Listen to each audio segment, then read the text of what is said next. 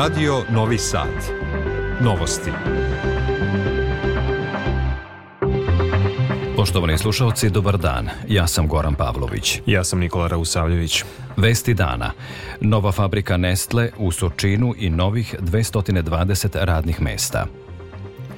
Pregovarači Beograda i Prištine u Briselu o ukidanju dinarskog platnog prometa na Kosovu i Metohiji. Nastavljene konsultacije o izboru mandatara za sastavljanje nove vlade. Uručeni ugovori o dodeli sredstava za nacionalne savete nacionalnih manjina u Vojvodini. Hamas dobio nacrt predloga za primjerje u pojasu Gaze. Evropski parlament usvojio odluku o stvaranju fonda za pomoć Ukrajini vrednog 50 milijardi evra. U Vojvodini do kraja dana toplo i vetrovito. Sutra slično vreme sa temperaturom do 20 stepeni. Prema poslednjim merenjima u Novom Sadu je 19. Na poziv specijalnog izaslanika Evropske unije za dijalog Beograda i Prištine Miroslava Lajčaka u Briselu je jutros počela nova runda dijaloga dve strane. Tema sastanka je regulisanje dinarskog platnog prometa. Iz Brisela se javlja Ivan Ilić. Runda tehničkog dijaloga još uvijek je u toku ovde u sedištu Evropske diplomatske službe. Srpsku delegaciju predvodi Petar Petković koji je imao odvojeni susret sa evropskim posrednicima kao i teta tet sastanak sa Miroslavom Lajčakom. Ekspertsku delegaciju Srbije danas čine još i predstavnici Ministarstva financija, zatim Banke poštanske štedionice čija je tematika danas na stolu u Briselu, kao i predstavnici Kancelarije za koordinacione poslove u pregovaračkom procesu. Besnika Bislimija nema sa druge strane, već su iz Prištine stigli samo predstavnici predstavnici Centralne banke, koji su takođe obavili razgovor sa posrednicima. Lajčak je pozvao Beograd i Prištinu na ovaj sastanak kako bi se potražilo rešenje za otvorena pitanja koja se tiču uredbe Centralne banke Kosova, kojom se zabranjuje dinarski platni promet na teritoriji Kosova i Metohije. Ta sporna uredba kreirala je probleme zbog kojih su zabrinuti ovde u Evropskoj uniji i nazivaju je lošom odlukom jedne strane koja ima veliki uticaj na drugu stranu. Prema poslednjim informacijama, u toku je sastanak na nivou finansijskih eksperata kojim posreduje lično Miroslav Lajčak. Kakav je ishod današnjeg sastanka trebalo bi da saznamo od Petra Petkovića, čije obraćanje očekujemo po završetku radne sesije. Dijalog Beograda i Prištine pod pokroviteljstvom Evropske unije i traženje rešenja za uspostavljanje dugotrenog mira na Kosovu, a samim tim i na Zapadnom Balkanu, nema alternativu, rečeno je na otvaranju godišnje konferencije radne grupe Nacionalnog konventa o Evropskoj uniji u Beogradu, nazvane U susret sporazumu. Kako je zaključeno, ni godinu dana nakon prihvatanja briselskog sporazuma nema stabilizacije odnosa niti pozitivnog pomaka u dijalogu. Opširnije Bojan Vasiljević. Koordinator radne grupe za poglavlje 35 nacionalnog konventa Dragiša Mijačić kaže da je zadatak te radne grupe da objasni šta se desilo u procesu dijaloga i dodaje da godinama pokušavaju da unesu razum u tako važnu temu. Mi smo svedoci da Poslednjih godina to biva sve teže i teže, a nije jednostavno, dijalog je izuzetno politizovan, do nivoa da, da zaista imamo situaciju da se mnogo više mostova ruši nego što se gradi, ali negde naša uloga kao organizacija civilnog društva jeste da promovišemo ne samo dijalog, normalizaciju, već i pomirenje. Dva glavna cilja evropskih integracija su reforme i to što je to jedini način da se dođe do trajnog mira na Zapadnom Balkanu, smatra koordinatorka nacionalnog komenta o Evropskoj uniji Bojana Selaković. Proces dijaloga između Beograda i Prištine jeste svakako jedan od tih aspekata. Ono što na neki način se sada vidi da je njegov najvažniji e, doprinos e, jeste da umesto da je podsticao pomirenje e, između dva naroda, on je doveo čak i do polarizacije unutar svakog društva. Narodni poslanik u Skupštini Srbije Šajb Kamberi poručuje da je pomirenje Srba i Albanaca moguće, ipak, kako ističe, preduslov za to je da se vodi politika na realnom nivou. Kada pogledate brojne primere koji su se desili po svetu, pomirenja naroda koji su bili u zavadi ili čak u ratovima, pomirenje je moguće. Ako je bilo moguće u Južnoj Africi, moguće je sigurno i na Balkanu. Dijalog o normalizaciji bi trebao da iz korena promeni odnos između Kosova i Srbije, a samim tim i stabilnost celog zapadnog Balkana. Napominjući da su upravo danas organizovali konferenciju jer je tačno godinu dana od prihvatanja najnovijeg sporazuma u Briselu, učesnici skupa napominju da su prošle godine kada su najavljivali sporazume očekivali da će doći do nove faze u odnosima koja će doneti kakav takav mir i normalizaciju na Kosovu i Metohiji, pogotovo u srpskim sredinama. Osnovni sud u Prištini osudio je dvojicu Srba Dušana Obrenovića i Radoša Petrovića na kaznu od šest meseci zatvora zbog, kako je navedeno u optužnici, učestvovanja u masi koja vrši krivična dela ili huliganizam. Oni su uhapšeni u maju prošle godine za vreme protesta ispred zgrade opštine u Zvečanu, a nakon što su priznali krivicu, njihova kazna je preinačena u novčanu od 6000 evra, dok je Dušan Obrenović svoju kaznu od šest meseci odležao u pritvoru. U sukobu okupljenih Srba i vojnika Kvora tada je povređeno više od 100 osoba. Ispred filijale banke Poštanske štedionice u Zubinom potoku i jutro se okupilo stotinak građana, među kojima je najviše žena zaposlenih u pogonima tekstilne industrije Jumko. Oni pokušavaju da dobiju svoj novac koji im uplaćuje država Srbija, a koji ne mogu da podignu zbog nestašice dinara na Kosovu i Metohiji nakon usvajanja uredbe Centralne banke u Prištini o zabrani upotrebe dinara. Radnice tekstilnog kombinata Jumko ističu da drugih primanja nemaju i da su im dinarska sredstva jedini prihod, prenosi TV Most. U za čekanje na dinarske isplate nalaze se i korisnici socijalne pomoći i oko 200 lekara, medicinskog osoblja i ostalih zaposlenih u KBC-u u Kosovskoj Mitrovici. Slušate novosti Radio Novog Sada. U prisustvu predsednika Aleksandra Vučića u Surčinu je svečano otvorena nova fabrika kompanije Nestle za proizvodnju obroka na biljnoj bazi. Investicija je vredna više od 80 miliona evra, a realizovana je bez državnih subvencija. Izgradnja novog ekološkog postrojenja trajala je više od dve godine, a u proizvodnji će biti korišćene sirovine iz naše zemlje, istaklo je rukovodstvo kompanije. Opširnije Vladimir Radojković. Uz postojeću fabriku Nestle u Surčinu u pogon stavlja još oko 18.500 kvadrata. To je posao za 220 radnika koji godišnje treba da isporuče 12.000 tona proizvoda.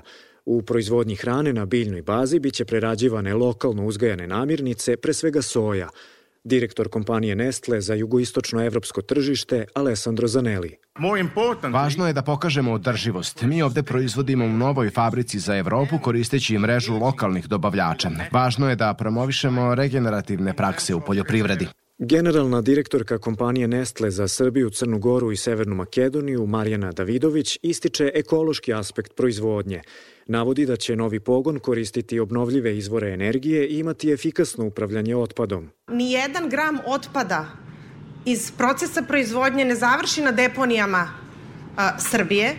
Sva voda koja izađe iz procesa proizvodnje je prečišćena i koristimo isključivo zelenu energiju. Kako to izgleda u praksi, uverio se i predsednik Aleksandar Vučić, koji poručuje da je za Srbiju važno učvršćivanje regionalnog i ulazak u jedinstveno evropsko tržište. Potpuno sam uveren da ćemo biti najbrže pripremljeni i zato što je Srbija ekonomija koja je više od 50% ukupne ekonomije Zapadnog Balkana, 55% izvoza, čemu i Nestle doprinosi Zapadnog Balkana i čak 62% ukupno privučenih investicija za Zapadni Balkan. Švajcarske investicije u Srbiji od 2012. godine premašuju 2,4 milijarde evra, a donele su više od 14.000 radnih mesta.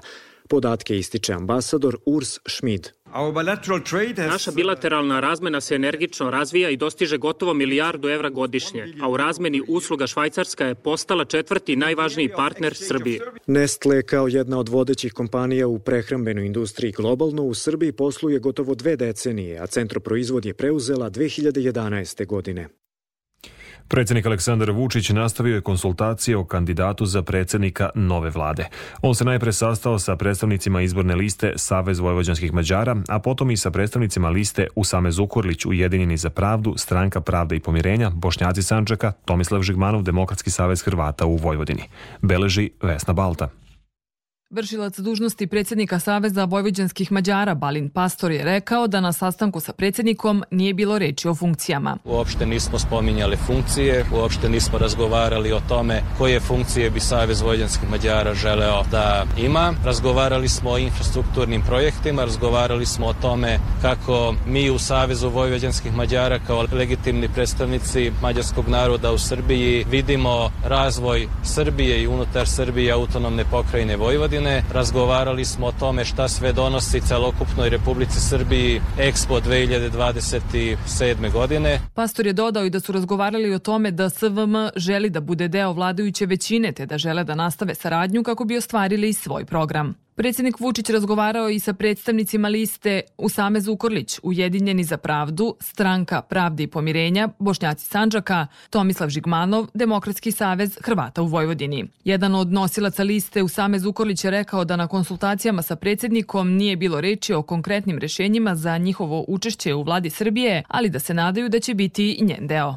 Dakle, ovo su konsultacije prije imenovanja mandatara za vladu Republike Srbije, ali mi se nadamo da ćemo imati prilike da kroz resorna ministarstva u vladi Republike Srbije učestvujemo u novom mandatu i ono što nas je predsjednik Aleksandar Vučić i uvjerio jeste da će se on založiti kod vladajuće stranke da mi dobijemo taj status. Prve konsultacije o mandataru za sastavljanje nove vlade počele su juče sastankom sa predstavnicima izborne liste Politička borba Albanaca se nastavlja Šaip Kamberi, a potom i sa listom Ruska stranka Sloboda Nikolić.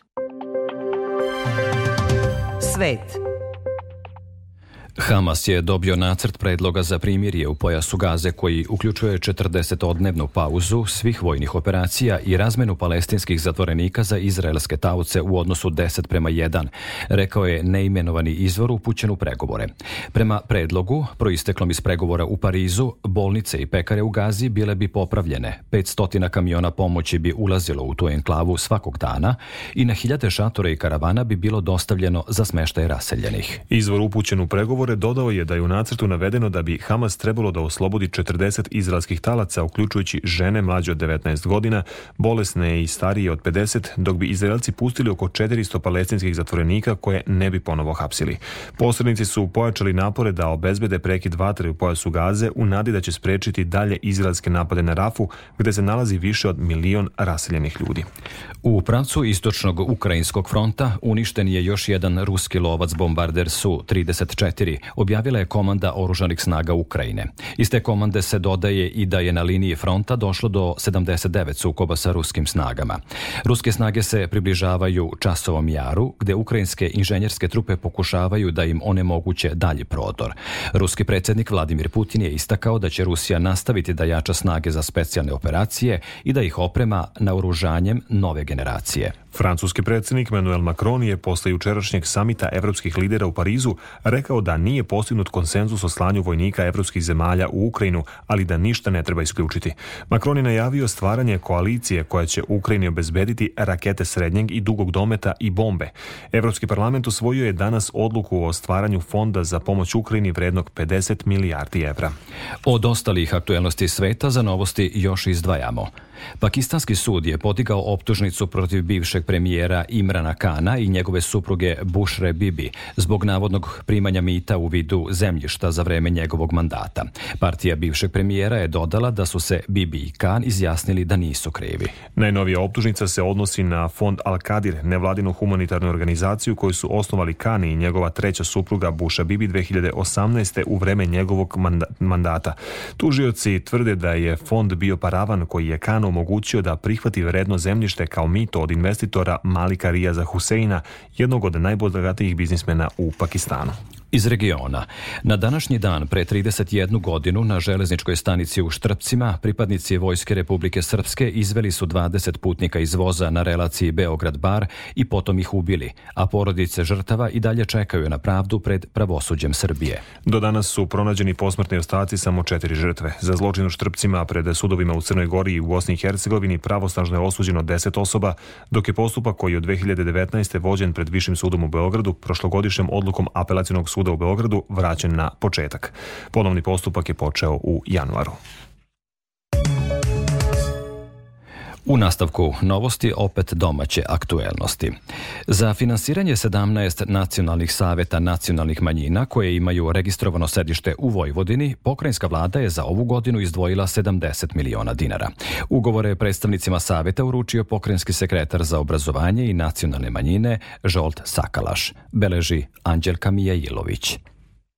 Redko koja vlada u svetu toliko vodi računa o manjinskim zajednicama kao što to čini vlada Srbije, a pogotovo pokrajine, rekao je predsjednik Saveta Crnogoraca Dragoljub Malović. Mi, na primjer, Crnogorci ne dobijemo nikakva sredstva iz Matice Crne Gore i mi smo praktično oslonjeni na državu Srbiju i na pokrajinsku vladu Vojvodine. Predsjednik Saveta Mađara Arpad Fremont kaže da oni novac od pokrajine koriste za funkcionisanje saveta te da im je prioritet informisanje. Od ovih sredstava najviše izdvajamo za medije. To su Mađarsko, Hetna, Pipanon. Mi smo kao nacionalni savet eh, ovde u, u ovom slučaju osnivači ovih medija i imamo jednu značajnu saradnju. Pokrajina novčanom pomoći koju daje nacionalnim savetima nacionalnih manjina pomaže četiri ključna segmenta obrazovanje, kulturu, službenu upotrebu jezika i pisma i informisanje, rekao je prilikom uručenja ugovora pokrajinski sekretar za obrazovanje i nacionalne manjine Žolt Sakalaš. Ovom prilikom ta pomoć je finansijska, ali tu nije kraj. Mi smo uvek otvoreni za saradnju i svaki konstruktivni predlog ćemo saslušati i želimo da pomognemo. Finansiranje nacionalnih saveta predstavlja brigu o kulturi i očuvanju identiteta nacionalnih manjina. Ovaj vid podrške je uvek bio izuzetno značajan, a pogotovo danas, kada se prema poslednjem popisu stanovništva broj pripadnika nacionalnih manjina smanjuje, dodao je Sakalaš. Ministarstvo privrede dodelilo je 110 sertifikata za stare i umetničke zanate i domaću radinost. To je praktično 10% od ukupno izdatih sertifikata s obzirom na to da ih je za 27 godina resorno ministarstvo izdalo ukupno 1100, naglasio ministar privrede Slobodan Cvetković gostujući u RTS-u. Kako je dodao, uz taj sertifikat zanatlije dobijaju mnoge pogodnosti, između ostalih 50% popusta na godišnji porez praktično lokalne samuprave imaju jednu vrstu odluke gde daju 10% popusta na lokale koje oni zakupljuju. Takođe, Ministarstvo privrede nema ograničenja za stare zanate da oni participiraju na svim ovim konkursima koji su vezani za nabavku opreme. Onda ima set nekih, da kažemo, nematerijalnih načina pomaganja, to su različite vrste edukacije od toga kako da rade na marketingu, kako da uđu uslovno rečeno u digitalni svet i da nađu neke nove mušterije van granica Srbije, s obzirom da postoje sad ove vidovi dostave i tako dalje. Multidisciplinarni tim Centra za transplantaciju ćelija, tkiva i organa Kliničkog centra Vojvodine uspešno je obavio četiri transplantacije bubrega za manje od 24 časa, od toga dve od kadeveričnog preminulog donora, dok su dve transplantacije bubrega obavljene od živog srodnika. Svi transplantirani pacijenti su, u operaciju, a, su operaciju podneli dobro uz odličan posleoperativni tok. U 2024. godini Klinički centar Vojvodine planira da poveća ukupan broj transplantacija transplantacija, kao i da uradi potpunu reviziju liste čekanja za transplantaciju bubrega u Vojvodini. Povodom incidenta u Staropanzovačkoj školi Heroj Janko Čmelik, kada je učenica donela sekiru u školu, danas se u toj školi, danas su u toj školi održani sastanci tima za nasilje, saveta roditelja i nastavničkog veća. Roditelji su potom obavešteni da su njihova deca u školi bezbedna i da će se u celoj situaciji postupati strogo prema pravilnicima i procedurama, istakao direktor Janko Havran. Za sada se ne zna šta je uzrok tog incidenta, niti šta očekuje devojčicu koja je donela sekiru u školu. Do 10. aprila otvoren je konkurs za kratkometražne filmove o invaliditetu za 22. Međunarodni filmski festival Uhvati film. Svi selektovani filmovi biće prikazani na ovogodišnjem izdanju Uhvati film u Novom Sadu i ući će uži izbor za prikazivanje na narednim izdanjima festivala u Rijeci, Kotoru i Banja Luci. Filmovi treba da imaju makar jednog aktera, osobu sa invaliditetom, da postiču na razmišljanje, da ruše predrasude, te da budu inovativni i filmski kvalitetni kvalitetni. U selekciju ulaze samo ostvarenja do 30 minuta. Više informacija o uslovima konkursa potražite na internet stranici uhvatifilm.org. Pripadnici MUPA pretresali su stan Novice Antića u Kragujevcu, predsednika Vojnog sindikata Srbije. Osim Antićevog stana, prema nezvaničnim informacijama, pretresaju se i stanovi još dvojice njegovih saradnika iz sindikata. Za sada im nisu uručene rešenja o zadržavanju. MUP se još nije zvanično oglasio u tom slučaju. Advokat Novice Antića Siniša Lunić rekao je da pretpostavlja da su razlog pretresa Antićeve aktivnosti u Vojnom sindikatu i da će najverovatnije biti priveden tužilaštvu u Novom Sadu, koje je teritorijalno zadužen, nadležno za Sombor, gde je sedište tog sindikata. Sport. Ženska futbalska reprezentacija Srbije igra od 15 časova i 30 minuta u gostima protiv Islanda. Drugi baraž meč za plasman u A diviziju Lige nacija. U prvoj utakmici odigranoj u Staroj Pazovi bilo je nerešeno 1-1. Rukometaši Vojvodine gostuju Nemačkom Flensburgu u trećem kolu top 16 faze Lige Evrope. Utakmica počinje u 18 časova i 45 minuta. Pred kraj novosti još jedno podsjećanje na najvažnije vesti. Nova fabrika Nestle u Surčinu i novih 220 radnih mesta. Pregovarači Beograda i Prištine u Briselu o ukidanju dinarskog platnog prometa na Kosovu i Metohiji. Nastavljene konsultacije o izboru mandatara za sastavljanje nove vlade. Uručeni ugovori o dodeli sredstava za nacionalne savete nacionalnih manjina u Vojvodini. Hamas dobio nacrt predloga za primirje u pojasu Gaze. Evropski parlament usvojio odluku o stvaranju fonda za pomoć Ukrajini vrednog 50 milijardi evra. Prema poslednjim merenjima u Novom Sadu je 19 stepeni. Da čujemo i opširniju prognozu. U Vojvodini u sredu nadposečno toplo, u Košarskom području i vetrovito. Tokom dana malo do umereno oblačno i suvo vreme. Vetar umeren i jak, na jugu Banata i sa udarima olujne jačine jugoistočni. Najniža temperatura od 7 do 12, a najviše dnevno od 18 do 20 stepeni. U Vojvodini se zadržava toplo vreme za ovaj period godine. U Košarskom području vetrovito uz umereni jak, povremeno je olujni južni i jugoistočni vetar. Do subote umereno do potpuno oblačno, u četvrtak i petak mjestimično slaba kratkodnevna kiša. Za radio Novi Sad, meteorolog Miodrag Stojanović. Slušali ste novosti prvog programa radija Radio Televizije Vojvodine. Sve vesti iz zemlje i sveta možete pronaći na našoj internet stranici rtv.rs, gde ovu emisiju možete slušati otoženo. Novosti tonski realizovala Slavica Filipović, producent Zoran Bečejac. Pred mikrofonom su bili urednik Goran Pavlović i Nikola Rausavljević. U nastavku programa sledi Radio Sport. Hvala na pažnji.